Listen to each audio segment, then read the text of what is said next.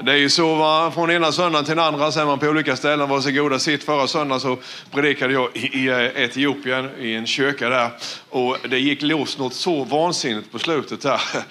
Så det var riktigt bra och det är riktigt härligt att vara hemma också. Det är så att Sölvesborg är speciellt och Valje är bäst, höll jag på att säga.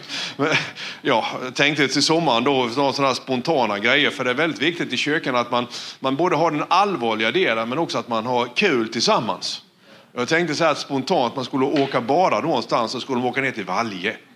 För i Valje där så kan man liksom kasta sjötång och lera på varandra. Jag är uppväxt liksom när man var på väg ut i vattnet och så hela tiden så var det någonting sved till på ryggen. Där var det någon som hade laddat och det gällde att skicka tillbaka. Och det som är bra när man kastar lera på varandra när man badar, det är att man kan bara bada igen så försvinner lera. Så är det. Men nu ska vi inte tala om lera idag, utan idag så handlar det om Gud och om kärleken. Jag har tänkt på detta här, va? att, att sen, sen Gud talade om detta här, att man ska ha kärleken som grund, så vart jag än läser i Bibeln idag så talar Bibeln om kärlek. Och det är väldigt märkligt att man inte har sett det på 30 år. Jag har mer varit som bröderna här i Race. Ni, är ni så gamla så ni kommer ihåg dem va? Blixtar och dunder. Magiska under sådär va. Men, men det är ju ändå att kärleken som grund är det viktigaste. Därför att det är där Gud han började och det är där som Gud han kommer till att sluta. Och, och det handlar ju inte bara om att vi älskar Gud utan det handlar också om att vara älskad. Det, det, det, det är en tvåvägskommunikation. Det, det är som om du har varit förälskad någon gång och det har ni säkert allesammans varit. Va? Du, vet att du, du kärar ner dig i någon så, här, så du, bara, du kan ingenting annat att tänka på den personen. Men den här personen som du är förälskad i ser inte dig, hör inte dig, känner inte dig. Och, och, du vet, de, men däremot så kan du kanske börja se att när du möter någon tjej då, som när jag gick på högstadiet då, så alla tjejer som mötte mig, de blev rodnade lite grann så. Nej, det gjorde de inte. Men så, och det var någon tjej då som rodnade så lite grann när de mötte mig på, på högstadiet. Så, där, va? så kunde man förstå att det fanns en viss passion i henne. Så nu är vi i kyrkan här, men jag menar så kan det ju ha varit. Va? Kanske du har upplevt samma sak. Och, och, när hon då frågade chans på mig då, på den tiden kunde man inte skicka sms då, utan man, man skickade en annan tjej med en, en liten lapp sådär, där man hade skrivit någonting kanske och sen så ritat ett hjärta sådär. Har jag chans på dig Tommy? sådär va. Det var ju så Karin hon gjorde, hon skickade ju lapp. Har jag chans på det? Men, men, i alla fall så, vi ska inte gå in på det. Men, men i alla fall då när, när, man då skickade tillbaka då eller, och, och svarade att ja du har chans på mig. Då, då uppfyllde man ju, då blev hon ju jätteglad därför att det var ju kärleken besvarad. Och, och det är samma sak med Gud. Gud han har ju skickat en sån här lapp till hela världen där han frågar, har jag chans på dig? Därför att Gud han älskar dig. Och Gud han vill ju ingenting hellre än att den kärleken ska bli besvarad. Alltså han, han älskar dig med en passionerad kärlek och han vill ditt allra, allra, allra bästa. För det är så när man älskar någon riktigt mycket så vill ju man den personens allra bästa. Kan jag ta ett exempel till? Jag... Är ni här idag eller? Ja, nu får ni vakna här. Vi, liksom... Du vet att jag tänkte på tjuren i Råby i morse när jag tänkte på kärlek. Vet ni att det finns en plats som heter Råby eh, eh, utanför Bromölla? Sådär, va? Eh, ja, får jag berätta en sak till? När Karin hon började jobba uppe i Olofström då, så sa jag till henne att du ska svänga till, till höger, sa jag till henne, där det står Näsum. För jag tänkte att i rondellen där uppe i Olofström så står det Näsum till höger. Men hon svängde till höger i rondellen och sen så när hon kommer till Näsum så står det Näsum till höger. Så hon sl slutade ju någonstans uppe i, borta i Skåne. Hon hade kört flera mil. Men hon har lärt sig att när man kommer till Håby sen så ska man svänga till vänster. Då kommer man ner till världens bästa plats som är Valje. Men i alla fall, för många, många år sedan då när vi var här vid i Håby då, jag var nere och badade där någonstans, finns en fantastisk sjö då. Och när man åker ner till, till den här badplatsen så, så är det en äng på ena sidan och där gick det en tjur eller en tjur, så alla förstår vad jag menar, en tjur. Och den här tjuren då var vansinnigt förälskad i några kossor längre bort. Alltså vägen går ner här och här så fanns då tjuren och här var vägen och sen så var det en, en äng här och sen så var nästa äng där gick kossorna. Och den här tjuren han var lika förälskad i kossorna som Gud är förälskad i dig. Och du vet att det var ett gigantiskt stängsel här vid och, och det var taggtråd och det var brädor. Men den här tjuren han gick på liksom därför att han hade gått igång på en av kossorna där borta. Och han gav sig inte. Jag tänkte att snart så, så stångar tjuren igenom både stengär och stängsel och taggtråd. Och jag vill måla upp känslan av Gud. Alltså precis som den här tjuren då var förälskad i några av kossorna här borta, så är Gud beredd att gå ganska så långt för att få liksom en kärleksstund tillsammans med dig. Därför att Gud är vansinnigt förälskad i alla människor. Kan du säga amen till det? Kan, kan du peka på den och säga så att även om ingen annan älskar mig så finns det en som älskar mig och det är Gud. Så nu ska vi gå in här vid och då titta på eh, versen här som vi har fått. Och det är från Romarbrevet kapitel 8, vers 28 till eh, 30 så står det då att vi vet att allt samverkar till det bästa för dem som älskar Gud, som är kallade efter hans beslut. Den som han i förväg har känt som sina har han också förutbestämt till att formas efter hans sons bild. Så att sonen blev den förstfödde bland bröder.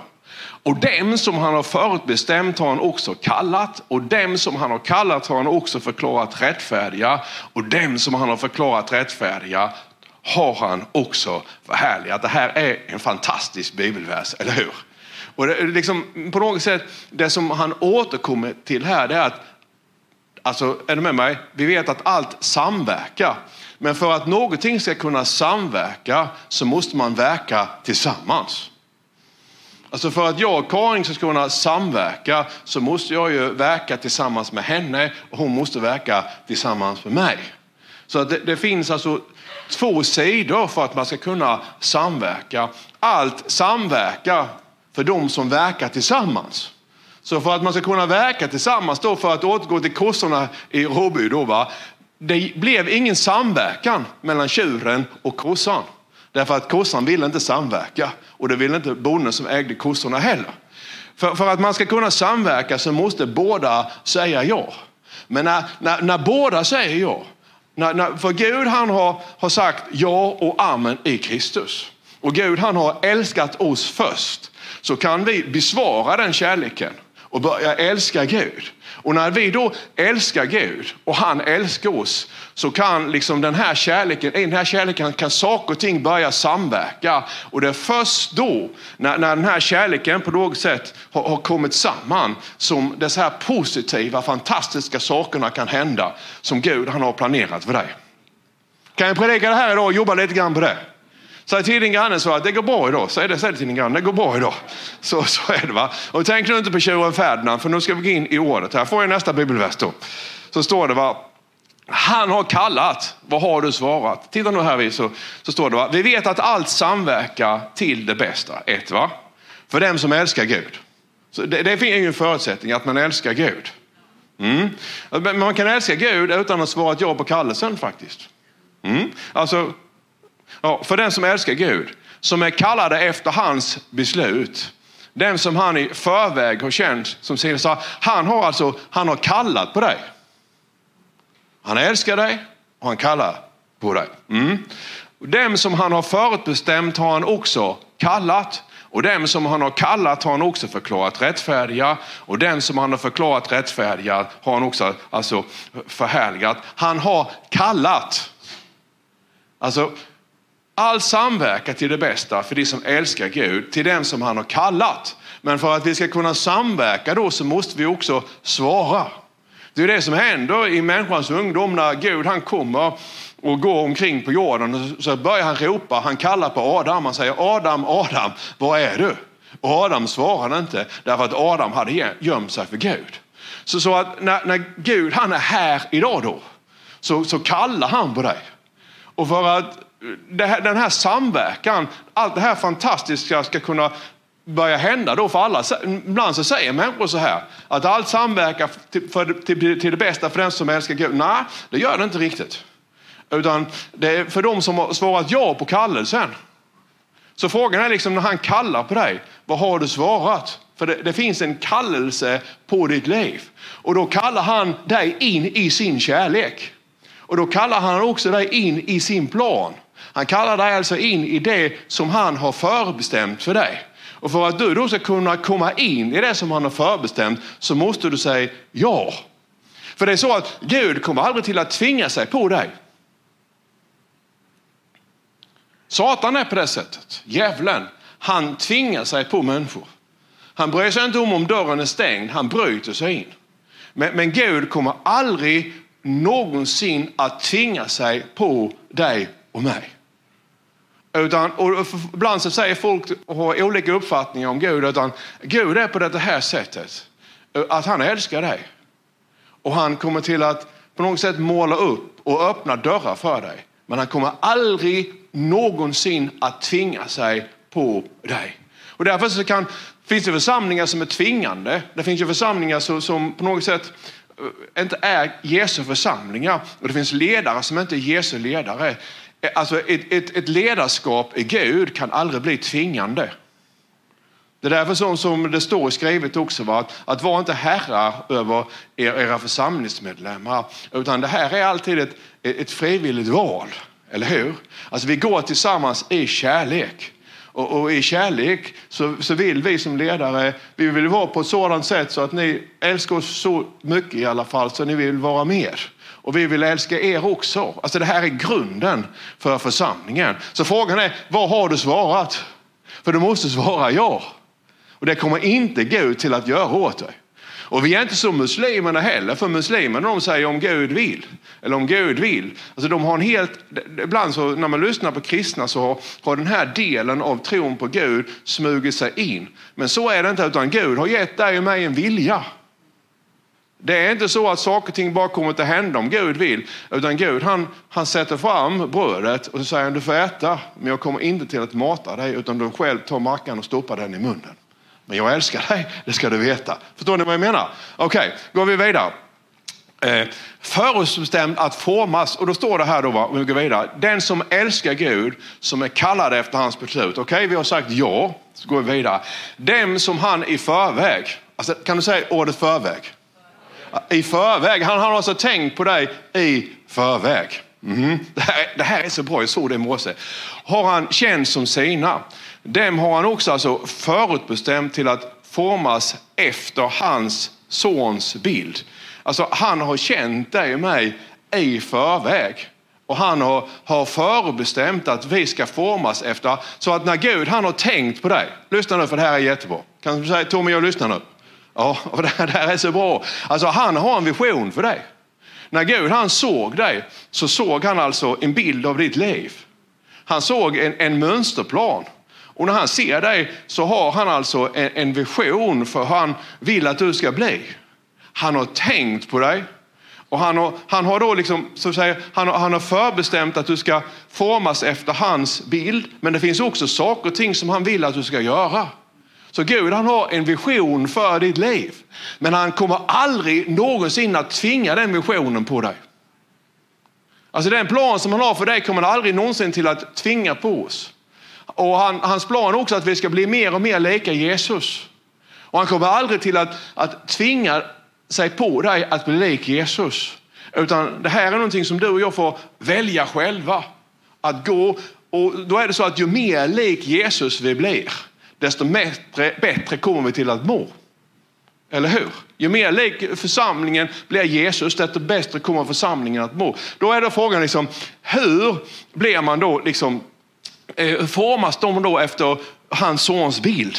Alltså man, man ropar ju till Gud, Gud vad är din vision för mitt liv? Hur får man tag på visionen? Om han redan har tänkt på dig innan han skapade himmel och jord. Och om han redan har sett dig, han, han har sett dig, och då har han liksom tänkt ditt liv. Då måste det vara så att det liv som han har tänkt för mig, det liv som han har tänkt för dig, det är ju det bästa livet som man kan leva. Då är frågan, hur kommer man in i det livet? Hur blir man lik Jesus? För han, han säger ju att allt samverkar till det bästa. Och det samverkar till det bästa till de som säger ja till kallelsen. Det samverkar till det bästa för de som bejakar att formas så man blir lik Jesus då i alltihop det här, den samverkan. Så när jag säger ja till Gud så säger Gud ja till mig. När du säger ja till Gud så säger Gud ja till dig. Och när bägge två säger ja till Gud, då samverkar allt till det bästa. Men det finns vissa kristna som säger att, att allt samverkar till, till det bästa, men så har du sagt nej till Gud. Och du har sagt nej till vissa av de saker som han säger. Då blir det väldigt svårt att ha en samverkan. Därför att då är vi inte överens. Man måste vara överens. I ett äktenskap där man inte är överens så fungerar det inte. Och Gud han tar ju liksom hela tiden den här bilden när han går igenom gamla testamentet med Israel. Han, han, han pekar på sig själv som han är den äkta mannen och Israel är hans kvinna. Och han är så otroligt besviken på sin brud. Varför det då? Därför att hon är inte överens med honom. Han kallar på henne men hon säger nej. Då kan det inte bli någon samverkan. Men Gud, halleluja, han kallar på sin församling. Och Gud han kallar på dig. Och jag ska visa dig sen att oavsett vem du är eller vad du har gjort så behöver du inte tänka att han har slutat älska dig. Jag sa det någon söndag sen va, att en evig kärlek, en evig kärlek är evig kärlek och en evig kärlek kan inte ta slut. Och titta nu här, vi ska bara gå igenom det här lite snabbt. Han gjorde några till. Säger varför tjatar de om detta Tommy? Det är väldigt viktigt att vi, vi får in det i vårt hjärta. Han gjorde några till apostlar, profeter, evangelister, pastorer och lärare. Varför det då? Varför finns det, varför finns det pastorer egentligen? Ja, jag förstår att man kan ställa sig den frågan emellanåt. Det, det gör jag med ibland alltså. Det, det, är så va? Jo, och det är kanske varför man, varför man inte, det här är ju inget jobb, det här är en kallelse. Eh, jag är inte alls överens med, med pastorskåren idag. De har friveckor och alla möjliga saker, men det här är ju en kallelse. Det är en kallelse, det är inget jobb. Jag har varit på bönemöte sedan jag blev frälst. Jag har missat ett bönemöte, jag brukar säga det och jag glömde det. Jag skämdes som en hund när jag fick ringa till Harald som aldrig glömmer någonting och alltid är i tid och tala om för honom att jag hade glömt att komma på bönemöte. Alltså, det är första gången och det har varit liv om det emellanåt. Säg, säg varför går du på bönemöte? Du, du har ju semester nu Tommy. Jag går inte på bönemöte för att jag är, det är en arbetstid. Jag går på bönemöte därför att jag är kallad av Gud till att bedja. Det är en väldig skillnad. Att man sen får eh, lön också, det får man vara tacksam för. Varför? De ska utrusta. Eller hur? Vad ska de, vi ska utrusta, utveckla och forma. Vilka då? Vilka är det som, som eh, de andliga ledarna ska utveckla och forma? Jo, de troende. Pekar på dig, säger det är jag. ja, så det, det här säger Bibeln. De troende för deras tjänst. Alltså du har en tjänst, du har ett jobb och vad är det då? Att bygga upp Kristi kropp, hans församling. Så det, det här kommer man på något sätt aldrig ifrån. Och Malin sa det igår och jag säger det idag. Alltså vår uppgift är ju att, att, att inte fundera på vad det är det vi kan predika idag så att ni blir glada. Det vill vi att ni ska bli glada. Att, men det är också så här va, att vi vill ju söka Gud så att det kommer en undervisning som gör att du utvecklas i Kristus. Det är det absolut viktigaste. Vänta nu, för vi är inte klara än. Och då, så att ibland så är det pastorer som ska göra allting. Nej, så är det inte. Vi ska hjälpas åt, vi ska jobba tillsammans. En församling är alltid ett lagarbete. När jag var ny pastor så, så tänkte jag kanske inte alltid på det sättet. Men efterhand så tar ju Gud han ner en. Va? Man blir aldrig liksom bättre pastor än summan av sina församlingsmedlemmar. Alltså det här är någonting som vi gör tillsammans. Kan du säga det? Här är någonting vi gör tillsammans. Ja, vilket innebär att alla behövs. Om inte du gör det som du ska göra så är det någonting som fattas. Eller hur? Ja. Och så säger han så här, hur länge då? Hur länge ska vi hålla på då? Jag och Malin är ju de som har liksom, på något sätt huvudansvaret för undervisningen. Hur länge ska vi behöva predika här varje söndag? Kan vi inte få sluta med det någon gång? Nej, så står det här va. Hur länge då? Jo, tills vi alla ska bli vara eniga i tron. Så att, det, vi måste behöva vara eniga i tron. Men när man kommer in i församlingarna, en tro så, en tro så, en tro så, en tro så, då säger det mig väldigt mycket om ledarskapet. Utan, eh, eh, eller hur? Utan vi måste liksom undervisa så att vi blir eniga i tron. Vilken tro då? Jo, i kunskapen om Guds son. För så är det ju idag i Kristi kyrka då, att en tror så om Jesus och en tror så om Jesus och en tror så om Jesus. Men du vet, Jesus är inte delad. Det finns bara en Jesus. Det finns bara en tro på Jesus som är rätt. Och vår uppgift är ju då att leda församlingen så att vi får en tro på Jesus, inte två tro på Jesus. Ser du det? Så att vi blir fullvuxna och mogna i likhet med Jesus som är felfri, Kristi fullhet. Då är vi inte längre barn som kastas hit och dit av vågorna. Och det är det som man säger, allt samverkar, eller hur? Till det bästa för de som älskar honom. De som är kallade, eller hur? Förutbestämda till att göra så. Alltså du är kallad och förutbestämd till att göra så. då? Kom igen nu, kom igen nu, är du här? Vad är du kallad och förutbestämd till? Jo, du är kallad och förutbestämd till att formas efter hans bild. Det är då allting samverkar till det bästa.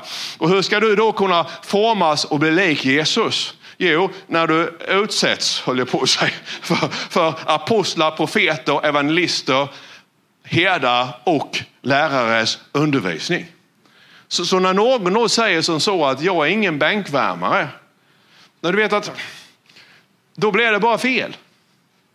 Därför då säger du att jag är inte beredd att ta emot den undervisning som kan göra att jag formas så jag blir mer lik Jesus. För då vill människor säga jag vill bara ha en uppgift, jag vill bara göra saker och ting. Ja, men du vet att de som ska göra saker och ting, de måste ju först formas som de lika Jesus. Det ena utesluter inte det andra. För, för om, om, du inte kan sitta ner och ta emot en undervisning då som gör att du blir mer lik Jesus så att allt kan samverka till det bästa, då kan du inte heller ha en uppgift i församlingen. Och sen kan det komma in människor av olika anledningar som, som får vara med och hjälpa till och så under tiden som man formas som, till lärjunge till Jesus. Men, men Mm, det, människor kan vara trötta som man inte orkar gå i kyrkan, det förstår jag. Och, och det, livet kan vara upp och ner. Det är inte det jag säger. Men de som säger att jag är ingen bänkvärmare, de talar emot Guds ord. Det är det jag vill att ni ska se här. Man talar emot Guds ord. Därför att Gud har bestämt att man formas utifrån den undervisning som apostlar, profeter, evangelister, herdar och lärare ger. Och sen säger han någon annan sak här. Jo, genom att varje del som som, genom att varje del ger sitt stöd med den kraft som man gett den så att, så att alla ska vara med och ge sitt stöd. Och då står det här, va? Och så växer hela kroppen upp och byggs upp, kommer det igen, i kärlek. Då byggs det upp i kärlek. Varför det då? Jo, därför undervisningens mål är ju att du och jag ska utvecklas i Jesus kärlek. Kan, kan du se alltihop det här? Och se, jag vill bara förtydliga det här för att eh, det var någon som sa till mig och påminner mig om det. Och det här är också väldigt viktigt. Alltså, församlingen börjar i gudstjänsten. Någon säger så här ibland till mig, Tommy jag ser dig aldrig. Jag träffar mig varje söndag klockan 11 i folkkyrkan. Alltså kan vi inte träffas här först som församling? Varför ska vi träffas annars då? För då är det en klubb eller en förening eller någonting annat. Hallå? Är du här? Alltså det börjar med gudstjänsten. Men sen behöver man inte vara för allvarlig för det. Och sen så då, det börjar med gudstjänsten och sen så ska vi allesammans ha en uppgift, eller hur? Det kommer en tredje sak då. Det är också väldigt att, viktigt att vi har kul tillsammans. Att vi gör saker och ting eh, liksom, där vi inte pratar Gud överhuvudtaget. Och det var därför jag tänkte på det här att åka ner till Valje och bada. Eller göra andra saker. För det är väldigt, väldigt viktigt att i församlingen då att man har kul tillsammans. Och det är det som också går tillbaka till det här med lagarbete. För jag är ju liksom, jag är entreprenör. Jag fattar liksom inte varför man bara ska göra kul saker. Jag är inte bra på det. Förstår ni vad jag menar? Så, så därför så måste det vara andra i vår församling som, som, som tar ett steg fram och leder det. Och, och, när vi får den här appen som vi ska ha i telefonen, Folkkyrkans app, att man bara säger idag ska vi göra något kul. Jag tar ledningen för det och så skriver man så alla vet det och så kan alla vara med och kul. Därför att vara med i Guds församling, liksom, Jesus han var ju full med glädjens olja mer än sina bröder. Så det innebär ju att vi kan skratta på gudstjänsten, men inte bara på skratta på gudstjänsterna, utan vi ska också göra saker där vi skrattar och där vi är tillsammans och där vi har roligt ihop. Ja, ah, men ibland när man kommer in i frikyrkor så kristna så tror man att man har aldrig, aldrig fattat det här. Jesus, han var full, Jesus var fylld med glädjens olja mer än sina bröder. Vad betyder det? Ja, han var den gladaste av dem allesammans. Han, han var inte som mig, utan han vaknade med ett leende. Så på den punkten skulle jag behöva bli mycket, mycket mer lik Jesus, eller hur? Även när han fastade och, och, och när han vet, när jag bantar så, så kan han bli på väldigt dåligt humör. Så Karin hon säger till mig, alla, det är nog dags att äta lite grann Tommy. Vet du, när, när Jesus han, han, han bantade, om han nu gjorde det, det vet jag inte. Men i alla fall, då var han ändå full med glädjens olja mer än sina bröder. Så är det, så att vi behöver alla vara glada och göra saker och ting där vi är glada. Kan du säga amen till detta? Ja, så allting behövs. Söndagens gudstjänst där vi ibland är så allvarliga så att golvet spricker. Men också aktiviteter där vi skrattar och skojar med varandra så man kan tro att vi har aldrig varit i en kyrka höll jag på att säga. Men allt det här är en helhet av, av Guds församling. Vi är människor. Kan du se det? Älska Gud, älska människor och älska livet. Det är ju ändå så att, att, att förneka livet innebär ju att man förnekar mörkret. Det innebär inte att man förnekar livet som Gud han har gett oss. Och jag kan aldrig tänka mig att Gud han har gett oss livet för att vi ska gå genom livet våra surpuppor, bittra och avundsjuka. Mm, mm, mm. Jag kommer in, vissa kyrkor ibland när jag predikar, om man kommer in och är glad så, så får man liksom bara allvarliga miner emot varandra. Då ber jag Fader ge som följd dem med glädjens olja så att vi kan bli glada. Kan du säga jag är glad nu? ja, så är det i alla fall. Okej, okay? då tar vi eh, nästa slide här. Kärlek, då står det så här, det här är i samma sammanhang då från Romarbrevet. Men i allt detta så vinner vi en överväldigande seger. Eller hur? Och på engelska så står det, är vi mer än segrare? På vilket sätt då? Jo, genom honom som har älskat oss. Halleluja. För jag är viss om att varken död eller liv, varken änglar eller första, varken något som nu är eller något som ska komma, varken makter, höjd eller djup eller något annat skapat ska kunna skilja oss, då kommer det igen, från Guds, från Guds, från Guds kärlek, från Guds kärlek i Kristus Jesus vår Herre. Så att vi pastorer och ledare och, och frikyrkor, kristna överhuvudtaget, vi har ju satt oss över Gud ibland. När vi säger att ja, nu har du gått miste om Guds kärlek. Men här står ju att det finns ju ingenting som kan skilja dig från Guds kärlek i Kristus Jesus. I Kristus Jesus. Från Guds kärlek kanske, men det är skillnad på Guds kärlek och Guds kärlek i Kristus Jesus. För Guds kärlek i Kristus Jesus är kärleken till dig genom det offer Alltså som Jesus har för dig, eller hur? Så att Guds kärlek i Kristus Jesus, ingenting kan skilja dig från den. Men nu är det så att, att när du älskar Gud då så börjar det samverka därför att han älskar dig också. På vilket sätt verkar det då? Jo, det står att det, då samverkar det så att i allt detta här så vinner vi en överväldigande seger. Alltså jag förstår inte varför inte alla människor i hela jorden blir kristna. Därför att när, när den här kärleken möts, alltså om, om tjuren i Råby hade fått möta kossan på andra sidan ängen så hade han ju blivit olycklig och miraklet hade uppstått. De hade haft lite vänskap. Men du vet att när du kommer tillsammans med Gud, då sker det liksom en konception. Det sker en befruktning. Kan du säga befruktning? Ja, och den här befruktningen då, den har ett mål då. Jo, han vill göra dig till mer än segrare. Det är en sak att, att vinna. Det är en sak att golva sin motståndare, eller hur? Det är en sak att, att, att, ja, att, att vinna loppet, men hur blir man mer än en övervinnare? Alltså du är mer än en segrare. Tänk dig någon som har kämpat nu, du vet han, han svensken som vann i följden, han åkte skridskor. Han hade kämpat, han hade tränat, han vann 5000 meter, så vann han 10, nej 5000 meter, 5000, jo 5000 meter, 10 000 meter va. Sen vann han guld på OS. Han var en segrare, han var stolt, eller hur? Vi är så, och vi är väldigt glada för Duplantis då, som sätter världsrekord efter världsrekord.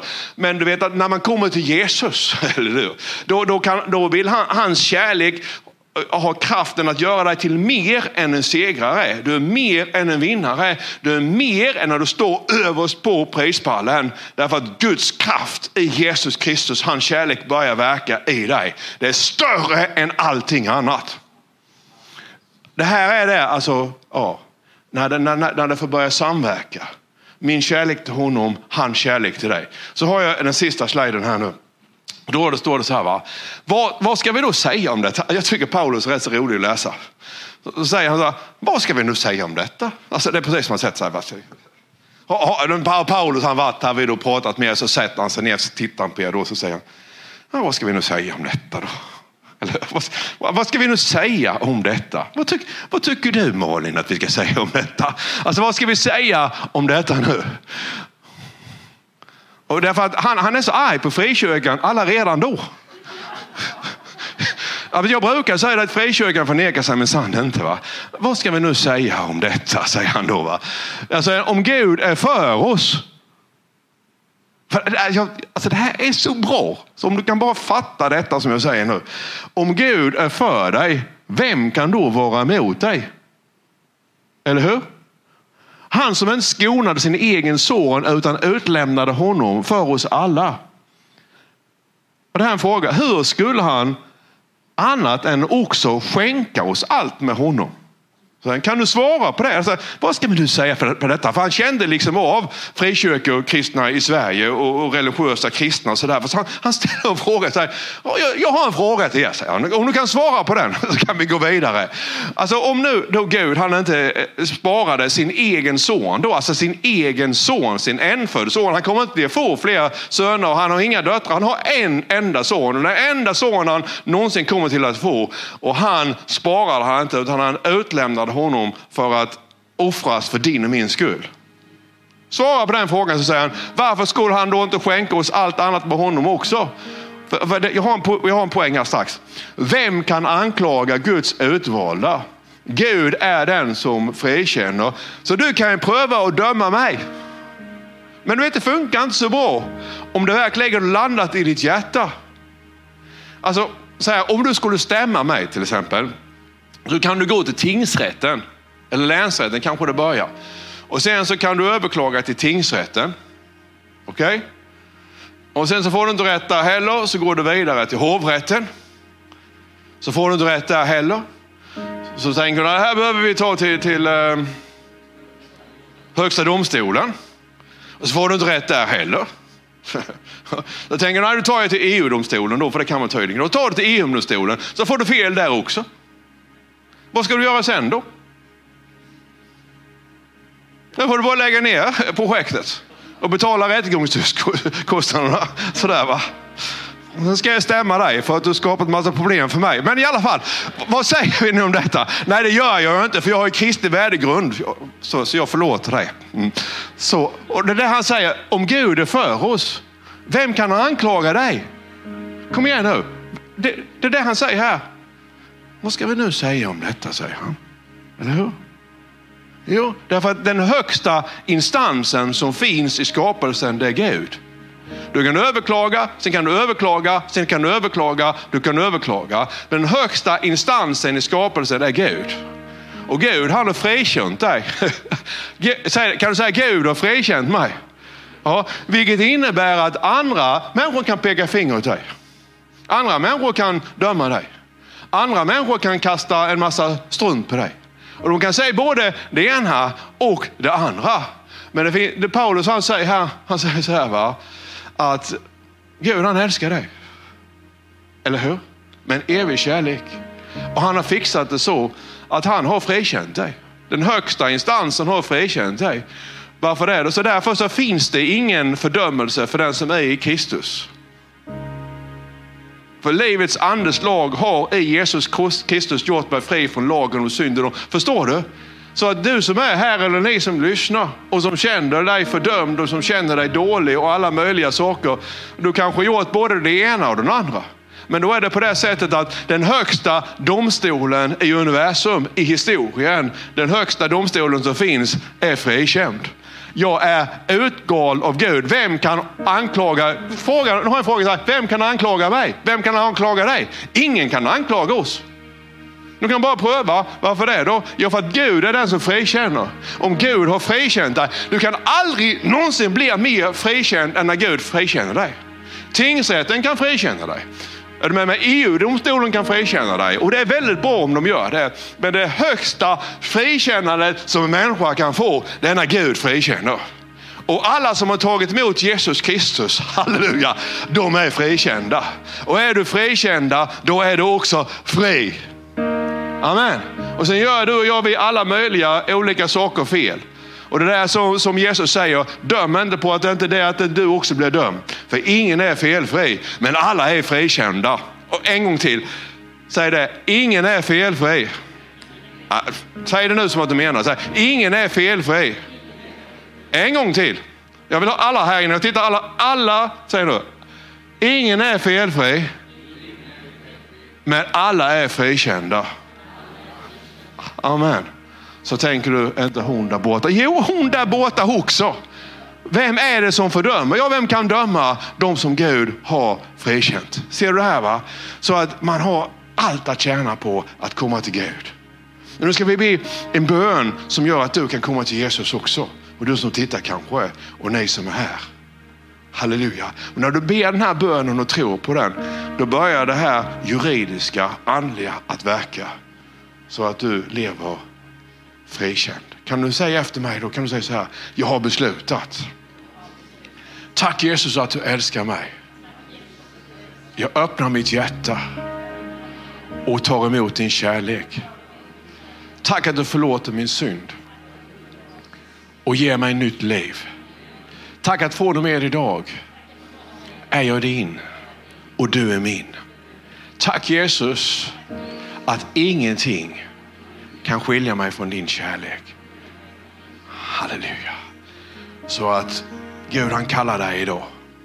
Säg ja till hans kallelse.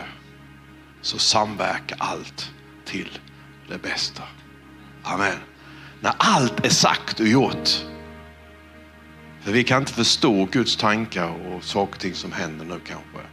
Men när allt är sagt och gjort så kommer vi till att se att trots allt så samverkar det allt till det bästa. Rosmenkallare, fast